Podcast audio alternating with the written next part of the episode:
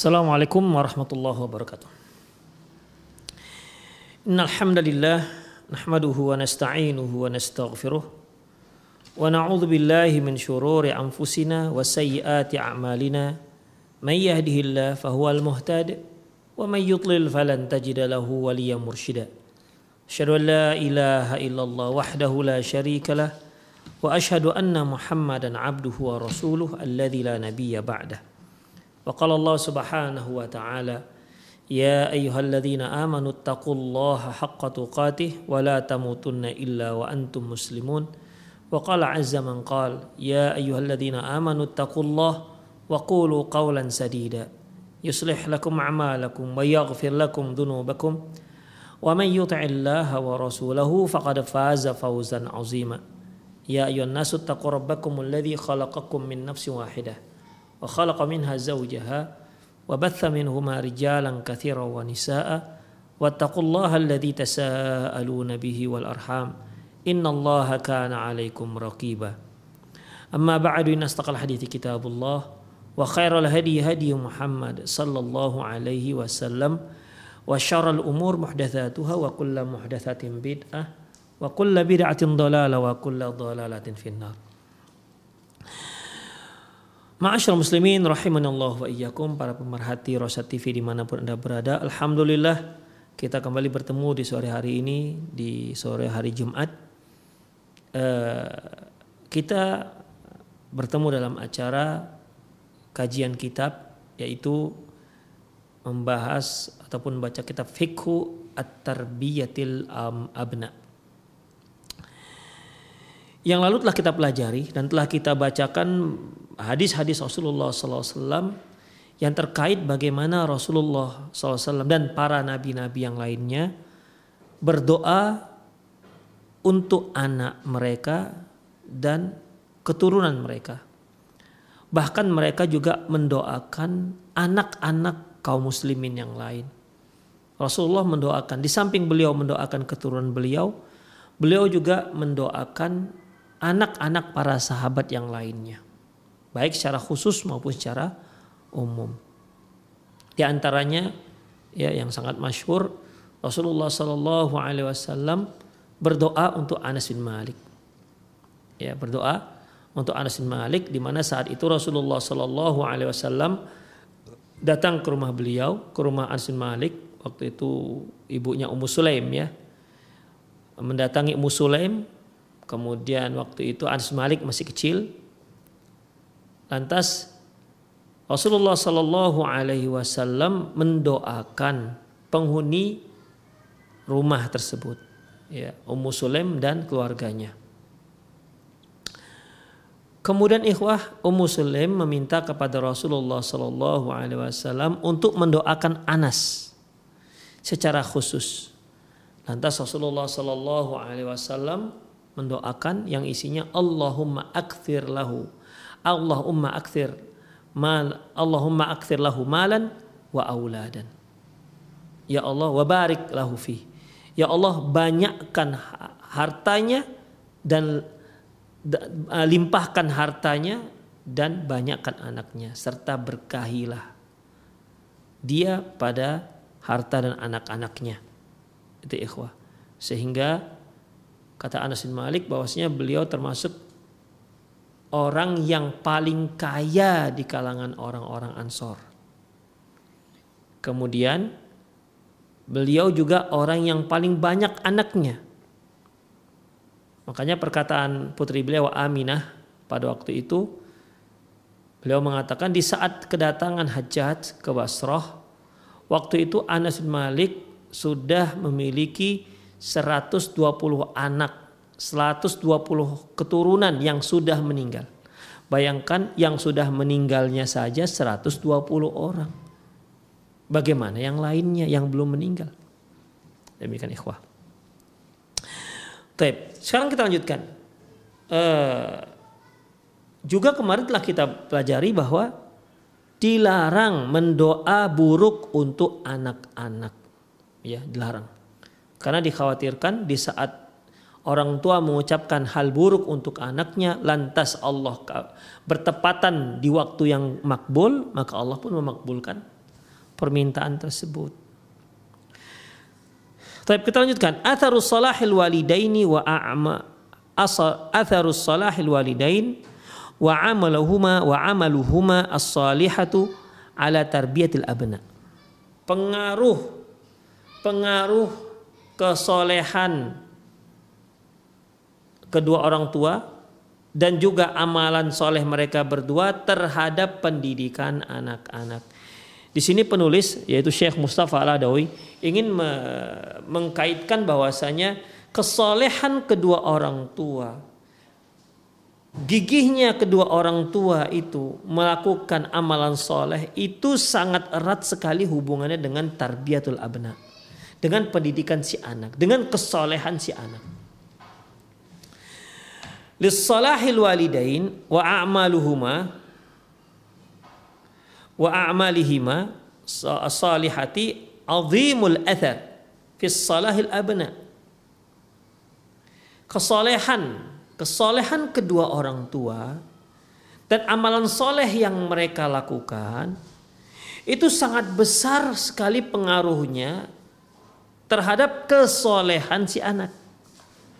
Ya, jadi di sini ikhwah penulis ingin me me me menjelaskan bahwasanya kalau Anda ingin mendapatkan anak yang soleh, maka Anda upayakan diri Anda menjadi orang tua yang soleh.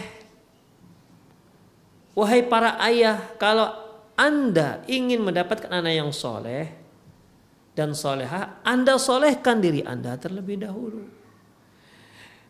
Wahai ibu, kalau ibu ingin, para ibu, kalau para ibu ingin mendapatkan anak-anak yang soleh dan solehah, maka ibu harus solehahkan diri ibu terlebih dahulu.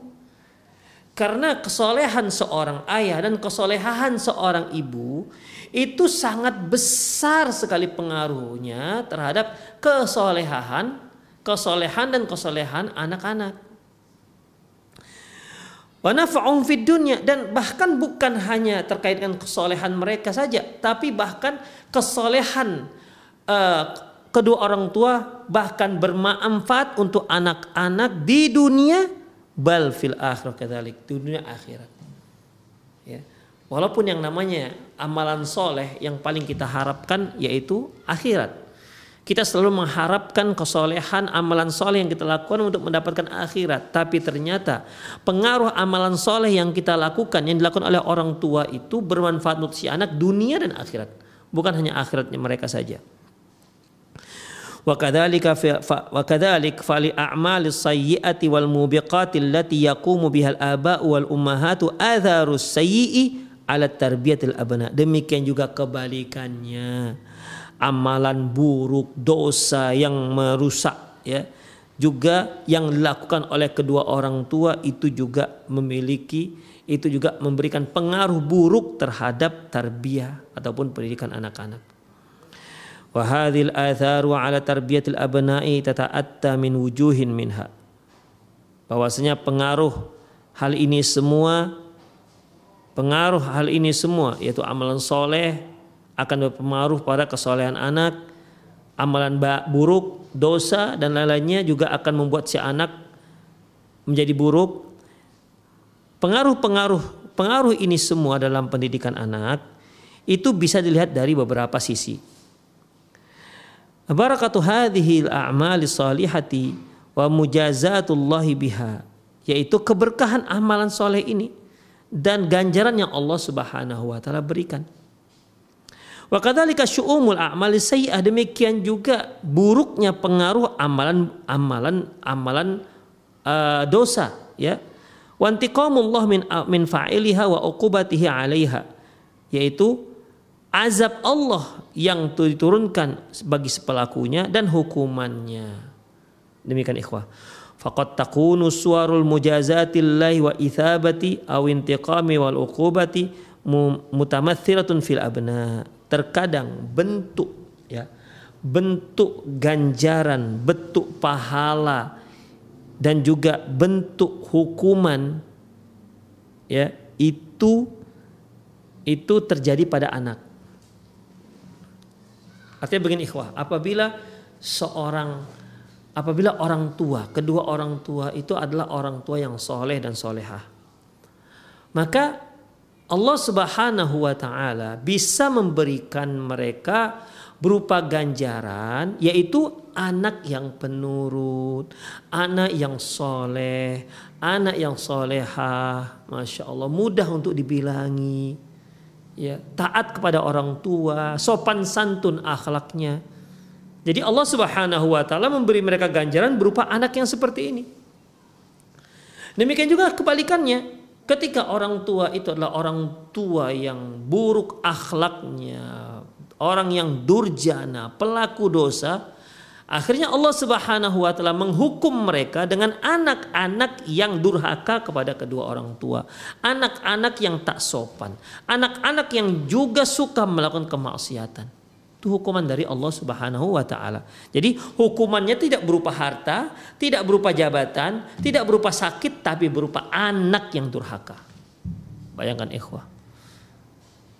Orang tua si ibu yang yang hamil mengandung 9 bulan dilahirkan dirawat dengan penuh kasih dan asih sementara si ayah berupaya memenuhi setiap kebutuhan si bayi disayangi, dibesarkan, diberikan apa yang dia inginkan dengan seluruh jiwa dan raga. Setelah dia besar, dia durhaka kepada kedua orang tua. Betapa pedihnya hati kedua orang tua. Demikian ikhwah. Malah melawan terhadap orang tua. Apalagi sampai berani memukul kedua orang tua. Na'udzubillah min dalik. Itu hukuman dari Allah Subhanahu wa taala terhadap perbuatan yang Anda lakukan.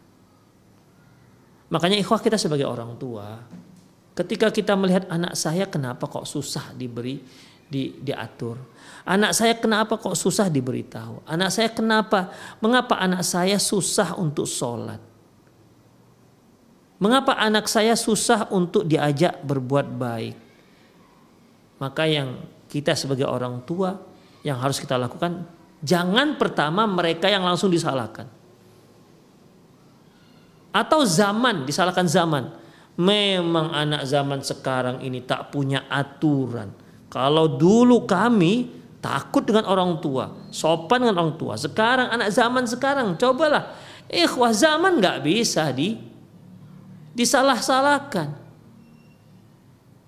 Kalau kita katakan zaman buruk itu kan bukan zaman yang buruk manusianya yang buruk. Manusia itu kan ketika lahir mereka dalam keadaan suci polos. Kenapa kok tiba-tiba mereka menjadi buruk? Kenapa kok tiba-tiba mereka menjadi anak durhaka? Kenapa kok tiba-tiba mereka menjadi perusak? Itu kan merupakan hasil daripada didikan orang tua. Demikian. Makanya kita sebagai orang tua ketika melihat anak kita durhaka, yang pertama yang kita lakukan mohon ampun kepada Allah, istighfar kepada Allah atas semua dosa-dosa yang kita lakukan. Jangan-jangan mereka durhaka gara-gara dosa yang kita lakukan yang menumpuk setiap hari kita lakukan. Nauzubillah min dzalik. Banyak-banyak istighfar kepada Allah Subhanahu wa taala. Kemudian ikhwah. Wa imma bi islahihim wa hifdhihim wa tawlihim uh, wa tawlihim wa si'at rizqihim wa aqibatihim bisa berupa ya apa namanya ganjaran berbuat baik itu bisa berupa menjadikan mereka anak yang soleh, menjaga mereka, memudahkan rezeki mereka, ya, dan menjadikan mereka anak-anak yang sukses. Wa imma wa imma bihuyudihim ani tariqil haq wa inhirafihim atau bisa juga mereka uh, hukuman dari Allah itu berupa di mana mereka menyimpang dari jalan yang benar.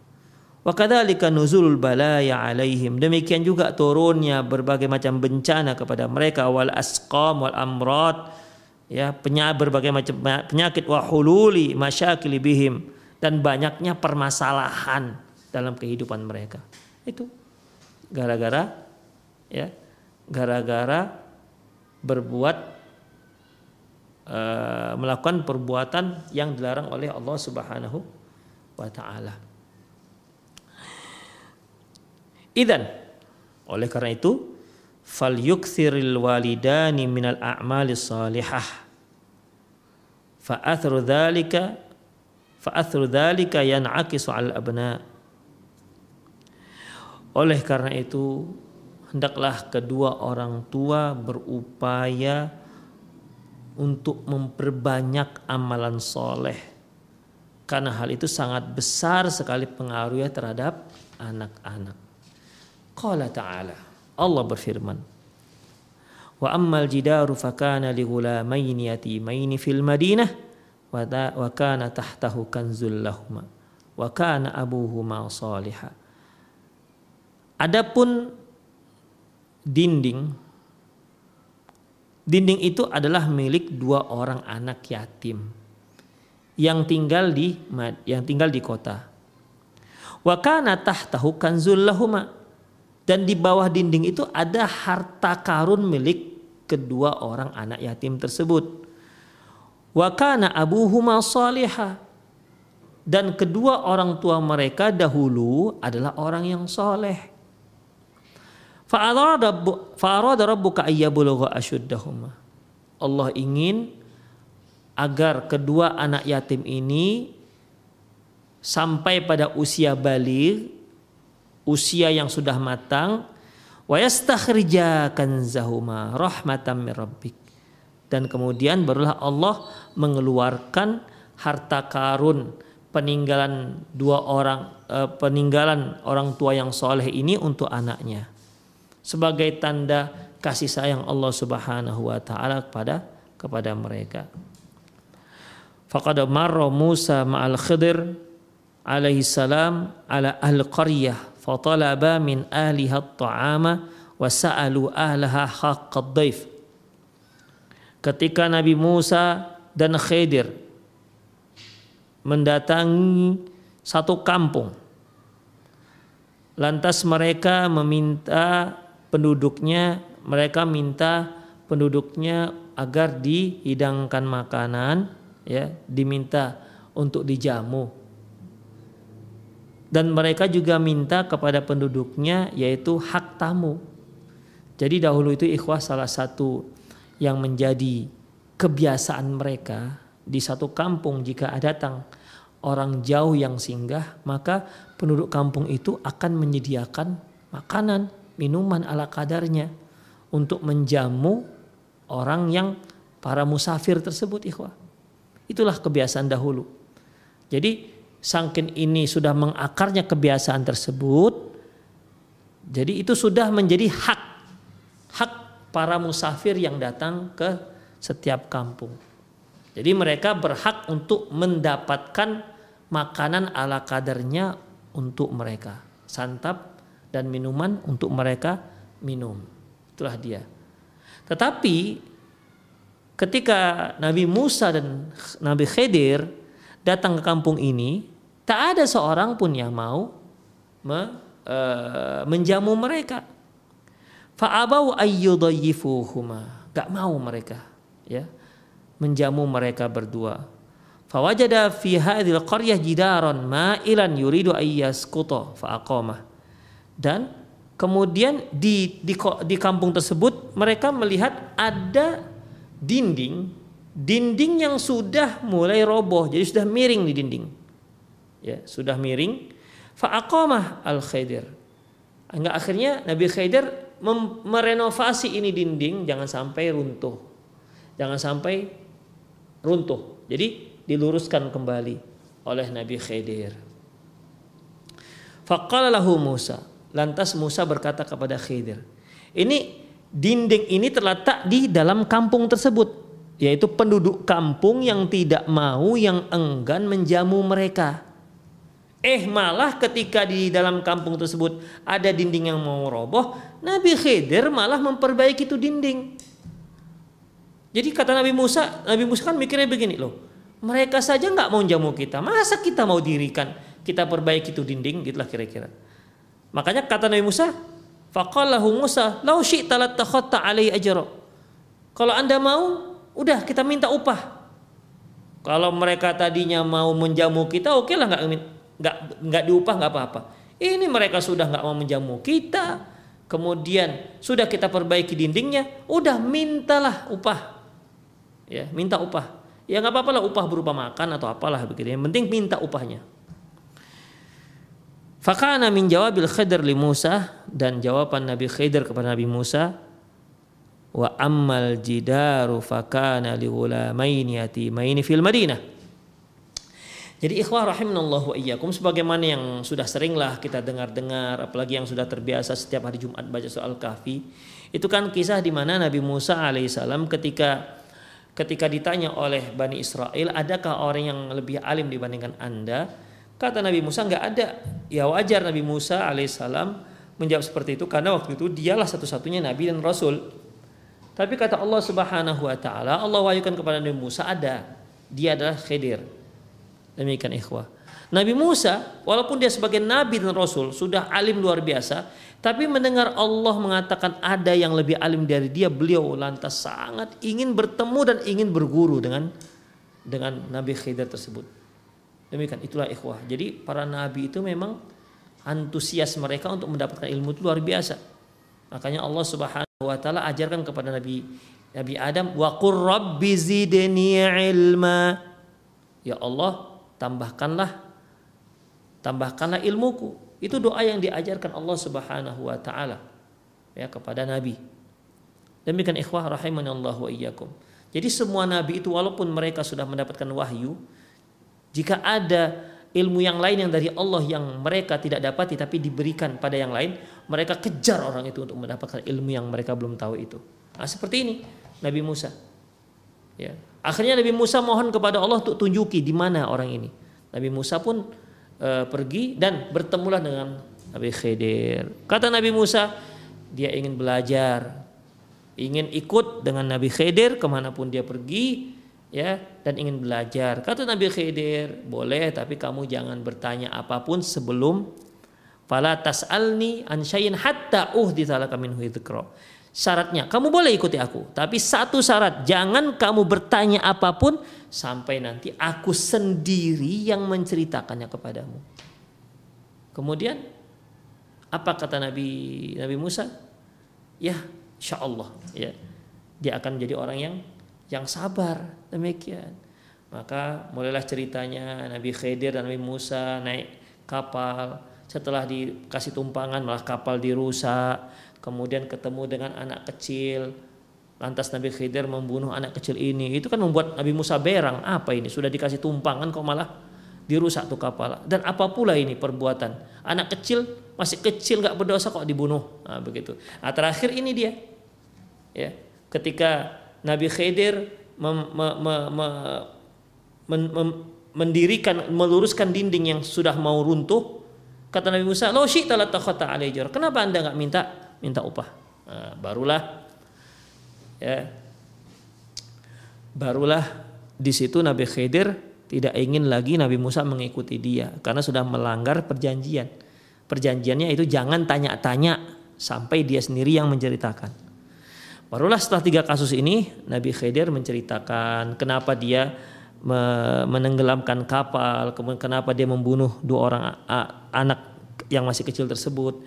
Kemudian di sini ikhwah beliau menjelaskan yang terkait dengan kajian kita ini terkait dengan kesolehan orang tua itu terkait juga dengan kesolehan anak dan bermanfaat juga untuk anak di dunia dan akhirat. Apa kata Nabi Khidir wa ammal jidaru fakana li ulamaini yatimaini fil Madinah wa kana tahtahu kanzul lahuma wa kana abuhuma salihah. Adapun dinding yang tadi itu aku luruskan, dinding yang mau rubuh aku luruskan, aku perbaiki itu dinding adalah milik mil, miliknya dua orang anak yatim. Ingat anak yatim. Ya, anak yatim itu yaitu man mata abuhu alam yablugh. Ya, yang di mana e, meninggal ayahnya sementara mereka belum belum balik dan ini udah meninggal dua-dua. Itu dinding sebenarnya milik dua orang anak yatim yang ting yang ada di di kota dan di bawah dinding itu, itu ada harta karun peninggalan kedua orang tua mereka untuk mereka ini. Ya. Wa kana abuhuma salihah. Dua orang tua mereka dahulu adalah orang yang soleh. Jadi maksudnya begini ikhwah. Ini dinding apabila dia rubuh, otomatis tempat tersebut, lokasi tersebut akan dimiliki oleh orang lain. Orang akan mendirikan dinding yang baru. Ya. Orang akan mendirikan rumah yang baru. Kalau ada rumah itu sudah runtuh, berarti memang orang orang yang yang punya rumah itu tidak lagi berminat untuk tinggal di situ. Buktinya rumahnya sudah runtuh, nggak diperbaiki. Demikian ikhwah. Makanya Nabi Khidir memperbaiki dindingnya jangan sampai runtuh rumah ini. Sebab kalau sudah runtuh nanti datang orang lain memperbaiki ataupun mendirikan rumah yang baru, akhirnya itu menjadi rumah dia. Sementara di di di, di bawah dinding itu ada di bawah dinding itu ada harta karun milik kedua orang, milik kedua anak yatim ini yang merupakan peninggalan dua orang ayahnya, dua orang tuanya yang soleh itu ikhwah. Demikian ikhwah. Makanya segera Nabi Khidir memperbaiki dindingnya sehingga tempat itu tetap menjadi milik kedua anak yatim tersebut. Fandur kaifa hafizallah hafizallahu subhanahu amwal al-aitam aitam wa kanza al-aitam bisalahil aba. Coba lihat bagaimana Allah Subhanahu wa taala menjaga harta harta harta si anak yatim menjaga harta karun anak yatim ya dikarenakan apa? Dikarenakan kesolehan kedua orang tua. Wa kana abuhuma salihah. Wa hal tadhunnu aw ta'taqid anna hadzal kanza wa hadzal mal alladhi hafizahu Allah jumi'a min al-haram Apakah menurut kalian Allah Subhanahu wa taala uh, apakah menurut kalian harta yang dikumpul-kumpul oleh kedua orang tua tersebut adalah harta dari ha, dari hal yang haram? Apakah menurut kalian Allah akan menjaga harta yang haram? Tentu kan tidak, ikhwah. Ya. Tidak akan ada seorang pun yang berpikir seperti itu sampai Allah yang menjaganya. Apakah kira-kira harta ini harta haram? Ya tentu kan tidak. Tidak akan ada seorang pun yang berprasangka seperti itu. Karena Allah telah menjaganya. Harta haram nggak akan dijaga oleh Allah Subhanahu wa taala. Kemudian kala Famin muqtadayatis salahil ab annahu la yajma'u hadzal mal illa minal halal. Tentunya tidak ada, tidak akan ada seorang pun yang berpikir seperti itu. Karena karena di antara konsekuensi dari kesolehan seorang ayah yaitu dia nggak akan mengumpulkan harta kecuali dari cara dengan cara yang halal. Itulah baru nama ayah yang soleh. Kalau ternyata dia kumpulkan harta harta uh, apa namanya harta karun ataupun harta yang ada di di di bawah dinding itu adalah harta haram, nggak akan mungkin lah orang tuanya dikatakan orang yang soleh. Allah katakan wakana abuhu ma kedua orang tua anak yatim ini orang soleh. Berarti harta yang ditinggalkan juga harta yang halal. Wa aidan fahafidhahullahu lahu liqauni min halal kadzalik. Demikian juga karena dia kumpulkan dari harta yang halal, maka akhirnya Allah pun juga menjaga harta tersebut. Jadi harta tersebut dijaga oleh Allah Subhanahu wa taala hingga sampai ke anak yatim mereka. Ya. Hingga sampai kepada anak yatim mereka. Itu dikarenakan apa? Pertama, dikarenakan kesolehan ayahnya, kedua orang tuanya. Yang kedua, dikarenakan harta yang dikumpulkan adalah harta yang harta yang halal sehingga Allah menjaga ini harta.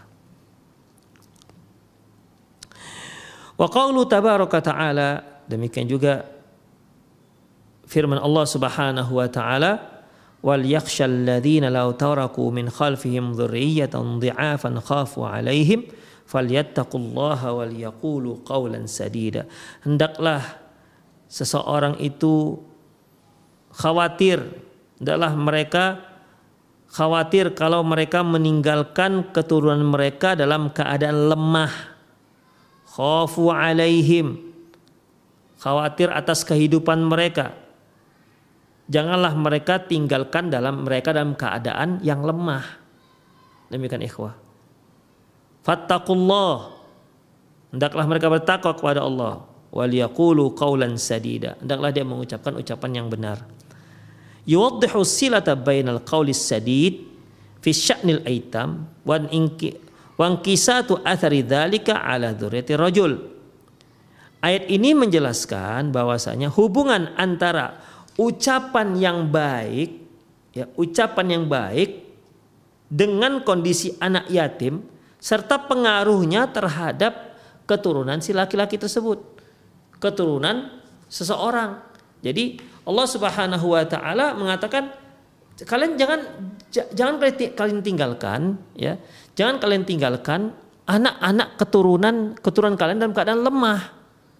Maka oleh karena itu agar kalian tidak meninggalkan anak-anak keturunan kalian dalam keadaan lemah, maka yang kalian lakukan pertama fal yaqulu qaulan sadila. Hendaklah kalian mengucapkan ucapan yang benar.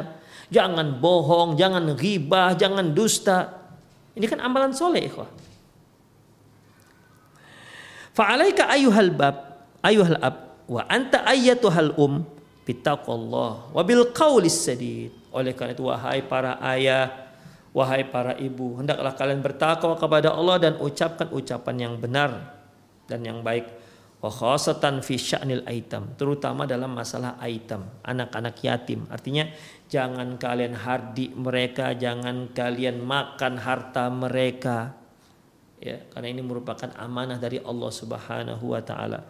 Fa idza ra'aita may amwalahum dan demikian juga jika kalian melihat ada orang yang makan harta mereka au yahutsu ala au yahutsu ala zulmihim au yabkhasu fi huquq au yabkhasuhum huquqahum wa asya'ahum atau kamu melihat mereka itu menzolimi.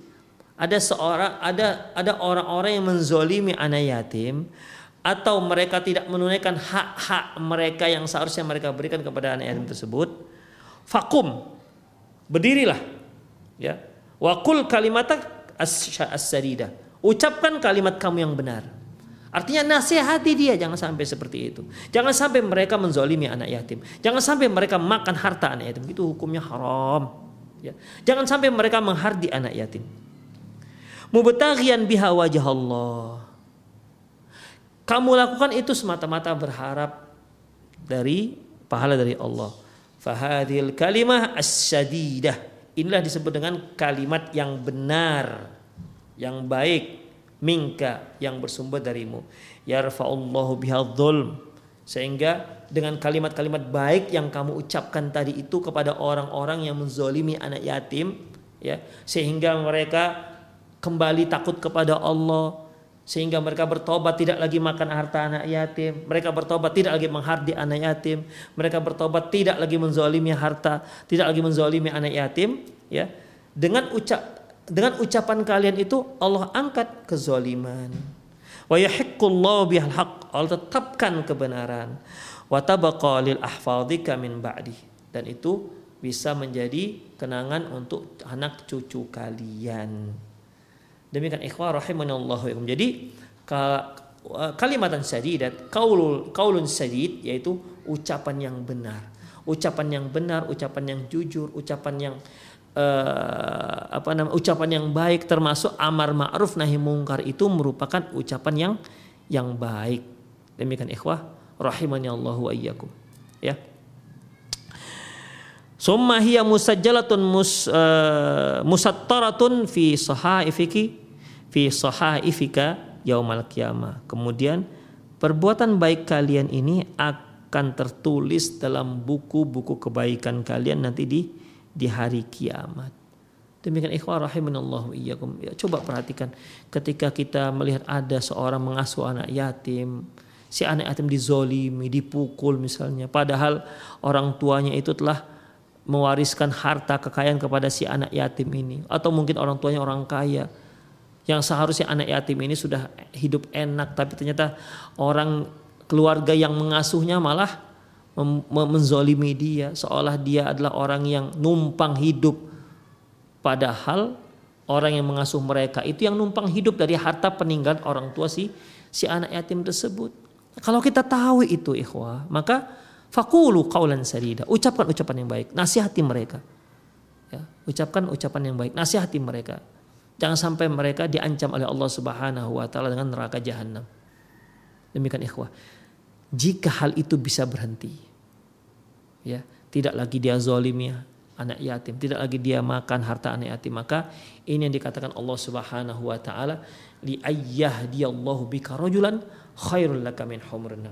Allah memberimu uh, Allah memberi uh, hidayah pada seseorang melalui dirimu itu lebih baik ya daripada unta merah. Demikian ikhwah rahimanallah wa iyyakum. Ya. Yang penting kalau kita melihat seperti itu, fakulu kaulan sadida. Ucapkan ucapan yang baik. Mengenai nanti diterima atau ditolak itu urusan ada di tangan Allah Subhanahu wa taala. Faharis ghayatul harsi ala ikramil yatim. Oleh karena itu berusahalah dengan seupaya mungkin untuk memuliakan anak-anak yatim. Wahdar al-iktiraba min amwalihi Waspada, jangan sampai kalian mendekati harta mereka. Mendekati di sini artinya bukan sekedar dekat tapi memakan harta mereka. Fa inna dzalika lahu ghayatu ta'thir ala auladika kama qaddamna. Karena kalau kamu sempat makan harta anak yatim, hal itu akan berpengaruh buruk terhadap anak-anakmu sendiri. Ini merupakan ancaman, Kalau kamu makan hartanya anak yatim, maka hal itu akan berpengaruh terhadap anakmu terhadap anak-anak kandungmu. Apakah mereka menjadi anak yang durhaka, tidak soleh, tidak sopan atau atau sering membawa masalah di rumah atau dia kalau dia keluar buat masalah di sekolah, kalau di rumah buat masalah di rumah. Demikian ikhwah. Makanya ikhwah sebagaimana yang tadi di awal kita katakan, kalau kita lihat anak kita ini kok banyak membawa masalah. Ya, di rumah bermasalah, di sekolah bermasalah, di kawan tetangga bermasalah. Ini kenapa ini anak? Yang pertama yang harus kita lakukan, kitanya introspeksi sedalam-dalamnya. Karena bisa jadi anak itu seperti itu gara-gara memang kita penyebab mereka seperti itu. Dosa yang kita lakukan membuat mereka seperti itu. Allah jadikan si anak sebagai balasan atas keburukan yang kita lakukan. Kemudian, tayyib ayyuhal ab mat'amak wa mashrabak wa malbasak. Wahai ayah sang ayah baguskan makananmu. Artinya cari makanmu itu dari yang halal. Demikian juga minumanmu. Demikian juga pakaianmu cari itu semua dari cara dengan cara yang halal jangan sekali-sekali kamu cari dengan cara yang haram ikhwah kalau ada seorang suami seorang ayah pulang membawa harta haram mungkin hasil penipuan atau hasil korupsi. Ini ikhwah ini orang tua pengkhianat keluarga ini. Benar. Ayah pengkhianat keluarga. Bagaimana mungkin dia tega menyuguhkan makanan neraka itu kepada anak dan istrinya? Apa dia tidak sayang dengan anak dan istrinya?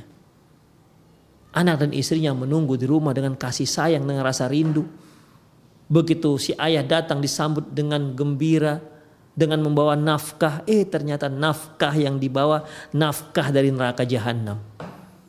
Karena tidak halal. Apa enggak tega? Apa Anda tega melihat seperti itu? Nauzubillah min dzalik. Jangan ikhwah. Ya, mendingan lebih baik mereka lapar ketimbang kita beri mereka makan dari harta yang haram. Demikian ikhwah. Ya, Maka makanan kalian, makananmu, minumanmu, pakaianmu harus berupayakan semaksimal mungkin dari cara yang bersumber dari yang halal. Hatta tarfa'a yadaika biddu'a ilallahi bi aidin zahiratin wa nafs zakiyatin wa nafsin zakiyatin fayaqbalullahu minka wa li auladika wa yaslahullahu wa yuslihuhumullahu wa yubariku laka fihim. Sehingga dengan demikian kalau makananmu, pakaianmu, minumanmu itu bersumber dari yang halal sehingga di saat kamu mengangkat kedua tanganmu ke langit kemudian eh, kamu kamu mohon kepada Allah dengan hati yang bersih ya dengan tangan yang suci Kenapa tangan suci? Karena tangan ini tidak melakukan perbuatan yang haram ya tangan tidak melakukan perbuatan yang haram. Dengan tangan yang suci ini, dengan jiwa yang bersih ini, Anda ngangkat kedua tangan Anda, mohon kepada Allah Subhanahu wa taala. Dengan demikian Allah akan mengabulkan permintaan Anda. Allah akan kabulkan terkait dengan anak-anak Anda sehingga Allah Subhanahu wa taala memperbaiki menjadikan anak-anak Anda menjadi anak yang soleh dan memberikan keberkahan pada diri Anda, keluarga Anda dan harta Anda. Qala azza wa jalla inna ma yataqabbalullahu minal muttaqin. Sungguhnya Allah hanya menerima dari orang-orang yang bertakwa. Surah Al-Maidah ayat 27. Wa dzakara Rasulullah SAW. Lantas Rasulullah SAW menyebutkan sebuah hadis ar-rajulu yutilus safar asy'atha wa aghbar yamuddu yadaihi ila sama ada seorang laki-laki yang safarnya sudah terlalu lama. Jauh dia bersafar. Kemudian rambutnya juga sudah acak-acakan. Dan laki-laki ini pun sudah berdebu ya. Kemudian dia angkat kedua tangannya ke langit dan dia katakan ya rob ya rob wahai Allah ya Allah ya Tuhanku wa mata'amuhu haram. Sayangnya makanannya haram wa mashrabu haram minumannya haram. Wa malbasu haram pakaian yang dia pakai juga haram. Wa ghudhiya bil haram mengkonsumsi yang haram-haram fa anna yustajabulah bagaimana mungkin Allah akan mengabulkan doanya? Demikian ikhwah rahimanallahu wa iyyakum. Jadi seharusnya ya, sejatinya ketika seorang sedang bersafar itu dalam kondisi seperti itu Allah akan kabulkan doanya. Karena salah satu uh, salah satu kondisi doa orang itu dikabulkan oleh Allah mustajab doa yaitu ketika dia bersafar. Ya, ketika dia sedang bersafar. Kemudian yang kedua yaitu ketika orang itu mengangkat kedua tangannya mohon kepada Allah. Sebagaimana dalam sebuah hadis di mana Rasulullah SAW bersabda sesungguhnya Allah malu untuk tidak mem, untuk tidak mengabulkan doa orang yang mengangkat kedua tangannya kepada Allah Subhanahu wa taala. Allah malu untuk tidak memberikan permintaannya. Demikian ikhwah. Ada dua di sini penyebab yang seharusnya doa orang ini dikabulkan oleh Allah Subhanahu wa taala. Tapi sayangnya ini pantangnya yang dia lakukan. Penyebab tak dikabulkannya doa, apa itu? Makannya haram, minumannya haram, pakaiannya haram. Ini ikhwah, ini pantang ya, ini pantangan doa. Kalau ada orang berdoa sementara dia masih melakukan ini maka percuma dia berdoa. Tak akan dikabulkan oleh Allah Subhanahu wa taala sampai dia taubatan nasuhah. Coba perhatikan. Fakaifa yaliku bika ayyuhal ab antar fa'ayadaika wa hiya mulawwathatun bid-dima'il abriya. Apakah apakah pantas wahai para ayah Anda mengangkat ketua, kedua tangan Anda pada Allah memohon pada Allah sementara tangan Anda ini berlumuran darah orang-orang yang tak bersalah. Wa mulawathatun bid-darbil abriya. Tangan Anda ini telah melakukan suatu tindakan kezoliman dengan memukul orang-orang tak bersalah. Wa dzulmal abriya menzalimi orang-orang yang tak bersalah. Wa batshubihim wa ghasyahum. Kamu telah memukul mereka dan kamu telah uh, menyerang mereka. Tada'u rabbaka bisalahi dzurriyyati rafa'an hadil ayat. Hadil ayat Lantas kamu gunakan kedua tangan ini untuk mendapatkan kebaikan keturunan kalian dengan dosa yang penuh dengan tangan yang penuh dosa ini? Layak enggak itu? Itu kata penulis. Wahai para ayah, camkan itu. Anda berdoa mengangkat kedua tangan. Mohon kepada Allah. Minta untuk kepentingan Anda dan kepentingan dan kemaslahatan keluarga Anda. Sementara tangan yang Anda angkat itu tangan yang penuh dosa. Apakah itu layak? Kata penulis. Kaifa yaliku bika an tad'u rabbaka bitilkal afwah al mulawwathatu bil aklil haram. Apakah layak engkau memohon kepada Tuhanmu dengan lisanmu yang sudah sangat kotor dengan makan makanan haram? Wa mulawathatun bil kadhib wal namimati wal ightiyab wat ta'am fil a'rad was sibab was syata'im yang sudah berlumuran dengan dosa, dengan dusta, dengan adu domba, dengan riba dan merusak kehormatan seorang dengan mencerca, sumpah serapah, mencaci maki. Balwa syirku, bahkan dari mulutmu keluar ucapan-ucapan syirik.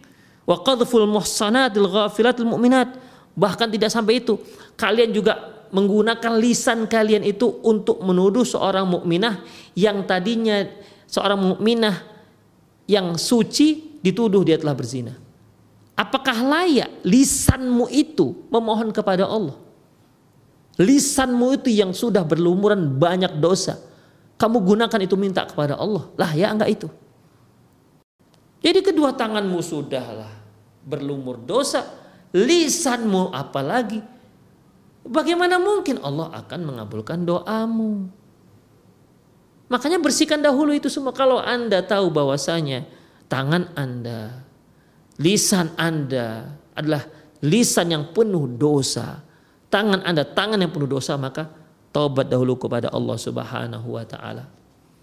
Ya, taubat kepada Allah Subhanahu wa taala. Kalau enggak enggak diterima doanya. Hal taro anna du'aaka yustajabu wa malbasuka minal haram wa ghada'uka minal haram. Apakah menurut Anda doa Anda akan dikabulkan oleh Allah sementara pakaian Anda itu dari perkara yang haram, makanan Anda dari yang haram? Fa'alaikum ayyuhal abawan bitaqwallah. Oleh karena itu wahai kedua orang tua, bertakwalah kepada Allah Subhanahu wa taala. Takwa kepada Allah wabila amal saleh dan juga banyak perbanyak melakukan amalan soleh hatta yataqabbalu doa akuma li abnaikuma sehingga doa kalian untuk anak-anak kalian itu dikabulkan oleh Allah Subhanahu wa taala.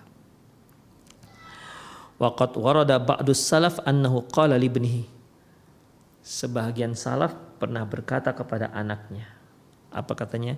Ya bunayya la azidanna fi solati min ajlik. Wahai ananda, aku semakin tam mem, aku memperbanyak solatku, semakin memperbanyak solatku dikarenakan engkau. Ya, dikarenakan engkau. Artinya para salafus soleh terdahulu itu semakin uh, apa namanya? Semakin mereka berharap anak-anak mereka menjadi anak yang soleh, yang mereka lakukan yaitu semakin dekat dengan Allah Subhanahu wa taala, semakin taat kepada Allah Subhanahu wa taala, semakin giat dalam beribadah kepada Allah Subhanahu wa taala. Itu yang mereka lakukan pertama. Sebagaimana yang dilakukan oleh Abdullah bin Mas'ud ya. Ketika dia sholat malam di sampingnya ada anaknya. Setelah dia sholat Kemudian dia melihat anaknya. Dia katakan, Aku lakukan ini karena karenamu wahai anakku. Lantas dia pun menangis. Kemudian dia baca ayat ini. Wa ammal jidaru fakana lihulamaini yatimaini fil Madinah. Dan seterusnya. Artinya orang tua yang soleh itu sangat besar pengaruhnya untuk menciptakan anak-anak yang soleh juga. Oleh karena itu penulis mengatakan ya ternyata salafus soleh dulu juga seperti itu. Ya, harapannya mereka semakin mereka taat, semakin taat. Harapannya anak mereka juga nanti akan menjadi anak-anak yang taat meniru kedua orang tuanya. Qala ba'dus salaf ma'nahu usalli kathiran wa ad'u Allah laka kathiran fi salati sebagian ulama mengartikan mengartikan ucapan salaf ini ya beni wahai ananda wahai anakku aku menambah salatku kedikarenakanmu. Artinya aku akan salat aku akan banyak melakukan salat dan aku akan sering berdoa kepada Allah dalam salatku ya. Aku usolli kathiran aku akan banyak berdoa Aku akan banyak melakukan melaksanakan sholat dan aku akan berdoa kepada Allah untukmu dalam sholatku. Jadi semakin banyak dia sholat, semakin sering dia mendoakan anaknya dalam sholatnya. Wal walidani idza qama bi tilawatil kitabillahi wa qiraati suratul baqarah wal muawwidzat wa nahwu dzalik fa innal malaikah tatanazzalu lil qur'ani wa syayatin tafir. Kedua orang tua apabila mereka melakukan melakukan tilawah kitabullah ya membaca soal Baqarah dan membaca muawwidzat yaitu qul bin nas wal falak ya. Kemudian dan yang lain-lainnya maka otomatis malaikat akan turun. Fa innal malaikata tatanazzalu lil Qur'an. Malaikat akan turun untuk mendengarkan Al-Qur'an. Kalau sudah malaikat turun asyayatinu tafir setan akan lari cicing dia. Ya. Wala syakka anna nuzul malaikah yushibu nuzul sakinah war rahmah wala syakka anna nuzul al malaikati yushibuhu nuzulu as-sakinati war rahmati. Dan tidak diragukan lagi kalau sudah yang namanya malaikat yang turun maka dia bersamaan dengan itu akan turun juga ketenangan dan rahmat dari Allah. Wahada qat'an lahu atharun ala auladi wa salamatihi dan tentunya ini pasti berpengaruh pada anak-anak dan keselamatan mereka. Namanya juga malaikat yang turun. Ya, makanya Rasulullah SAW mengatakan uh, bahwasanya uh, apa? Beliau bersabda, la taj'alu buyutakum la taj'alu buyutakum kubura. Jangan kalian jadikan rumah kalian itu kuburan. Maksudnya kalian baca Al-Quran di rumah. Kalau kalian tidak baca Al-Quran di rumah kalian, maka berarti kalian telah memperlakukan rumah itu seperti kuburan. Karena kuburan itu nggak dibaca Al-Quran di situ. Ya, tidak ada dibaca Al-Quran di kuburan tersebut. Quran itu hanya dibaca di rumah. Makanya kalau ada penghuni rumah tak pernah dia baca Quran di rumah itu, berarti itu rumah sama seperti kuburan. Rasulullah juga bersabda rumah yang dibacakan soal Baqarah maka setan akan lari. Kalau setan akan lari, kenapa setan akan la, setan lari? Sebagaimana disebutkan di sini, setan lari itu dikarenakan malaikat yang turun ke rumah itu. Ketika malaikat turun, maka setan otomatis akan lari. Demikian ikhwah. Kalau sudah malaikat yang turun, itu malaikat turun bawa apa? Ketenangan, ketentraman, kenyamanan, kenyamanan, rahmat dari Allah Subhanahu wa taala. Sehingga hal itu juga bukan hanya orang tua yang membaca tapi juga berpengaruh kepada seluruh isi rumah yaitu anak-anak. Demikian ikhwah. Pengaruh terhadap kesolehan mereka dan pengaruh terhadap keselamatan mereka. Amma idza turikat tilawatul Quran wa ghafalal aba'u min anid dzikri. Adapun jika di rumah tersebut tak dibacakan Al-Qur'an. Orang tua tidak lagi berzikir, tidak berzikir kepada Allah fahina idin tatanazzalu syayatin. Maka akan turunlah setan-setan. Wa taghzu tilkal buyutil lati turika fi dzikrullah azza wa jalla. Dan menyerang ya menyerang rumah-rumah yang tidak disebutkan nama Allah di rumah tersebut. Wa taghzu tilkal buyutu al mali'atu bil musiqi. Sahibah Setan-setan akan menyerang rumah-rumah yang penuh dengan musik-musik. Demikian ikhwah. Ya. Karena perhatikan ikhwah, tilawah Al-Qur'an, zikir kepada Allah, ya. Itu mengundang malaikat. Mengundang malaikat. Membuat rumah menjadi tenang membuat hati juga jadi tenang, seisi rumah menjadi tenang. Karena apa? Kita baca Al-Qur'an maka ini akan mengundang malaikat. Beda halnya kalau di rumah kita kita setel musik dari pagi, siang, sore.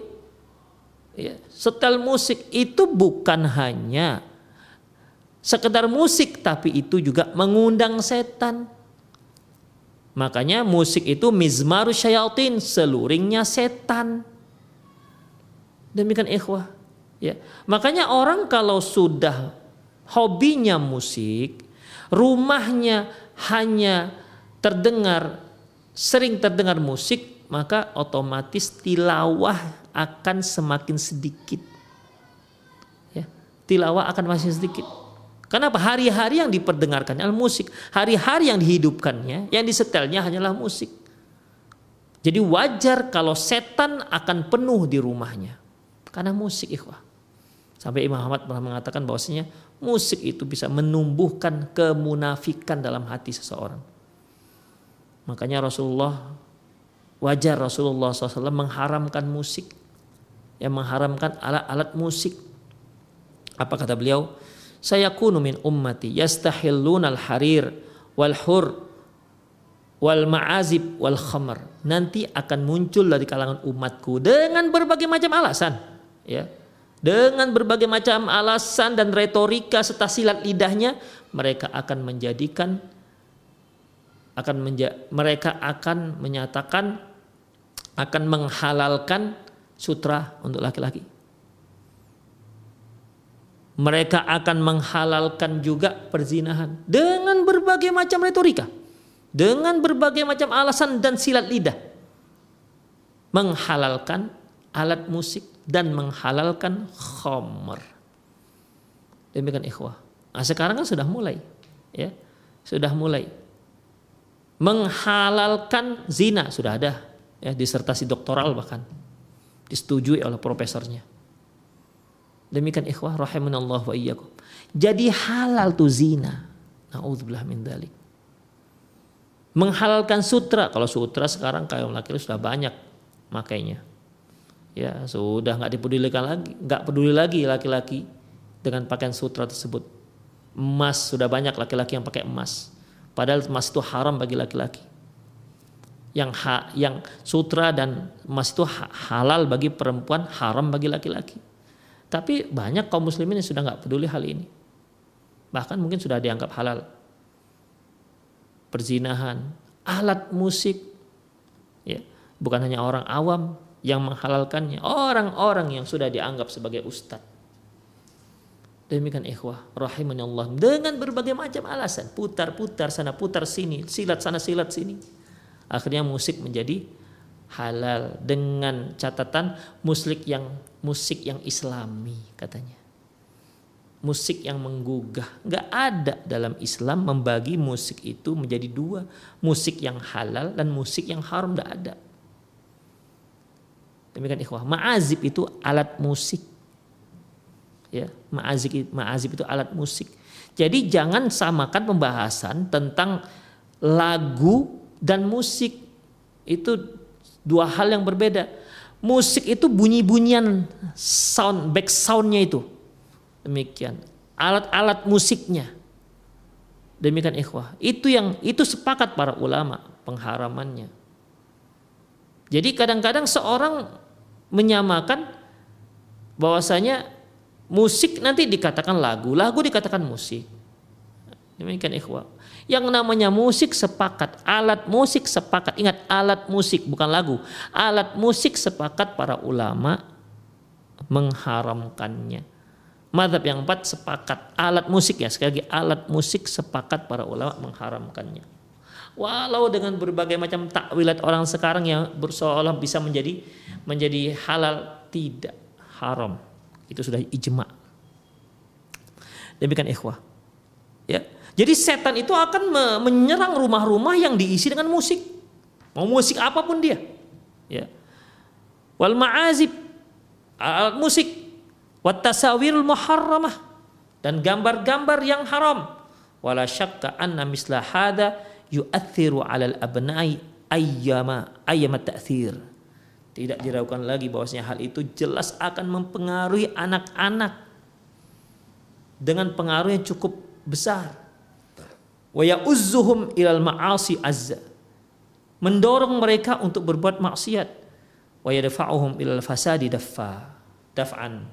Dan dan memberi mereka dorongan untuk melakukan kerusakan. Demikian ikhwah rahimanallahu ikum. Oleh karena itu, wahai para orang tua di sini sekali lagi ikhwah mengingatkan diri saya sendiri sebagai orang tua juga yang sudah memiliki anak. pemirsa juga yang sudah memiliki anak atau yang akan memiliki anak. Ya. Maka untuk mendapatkan anak yang soleh solehah, yang taat kepada Allah, yang sopan, yang santun, maka kitanya, kita mulai dari diri kita. Mulai dari diri kita terlebih dahulu. Solehkan diri kita terlebih dahulu.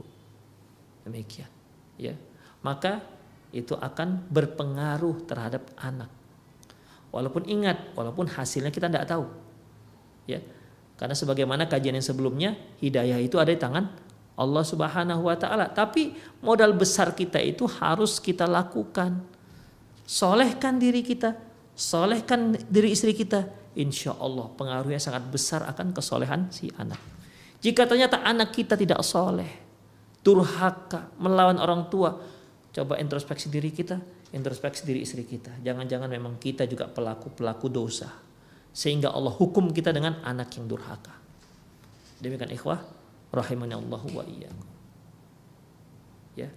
Jadi dosa itu memang membawa kesialan. Ya.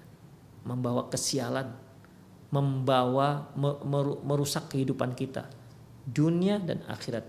Diri kita dan anak-anak kita dan keturunan kita. Demikian para ikhwafiddin, para pemirsa sekalian, ya semoga apa yang kita bahas bermanfaat. Ya, sekali lagi bertakwalah wahai ayah dan bunda demi untuk mendapatkan anak-anak yang soleh dan dan solehah. Itu saja kajian kita pada sore hari ini. Semoga bermanfaat. Aku lu qauli hadza wa astaghfirullah li wa lakum. muslimin innahu wal rahim. Uh, sepertinya hari ini tidak ada interaktif ya karena ada beberapa hal yang uh, ada ada sedikit kesalahan teknis dalam studio. Demikian para pemirsa semoga bermanfaat lebih dan kurang maaf lebih dan kurang mohon maaf. Aku lu qouli hadza wa astaghfirullah li wa lakum. Wa lisa'il muslimin innahu wal ghafur rahim. Kita akhir dengan doa kafaratul majelis subhanakallah wa bihamdik. Asyhadu an la ilaha illa anta astaghfiruka wa atubu ilaik wa sallallahu ala nabiyyina muhammad wa ala alihi wa ashabihi ajmain. Wa akhir da'wana alhamdulillahi rabbil alamin. Assalamualaikum warahmatullahi wabarakatuh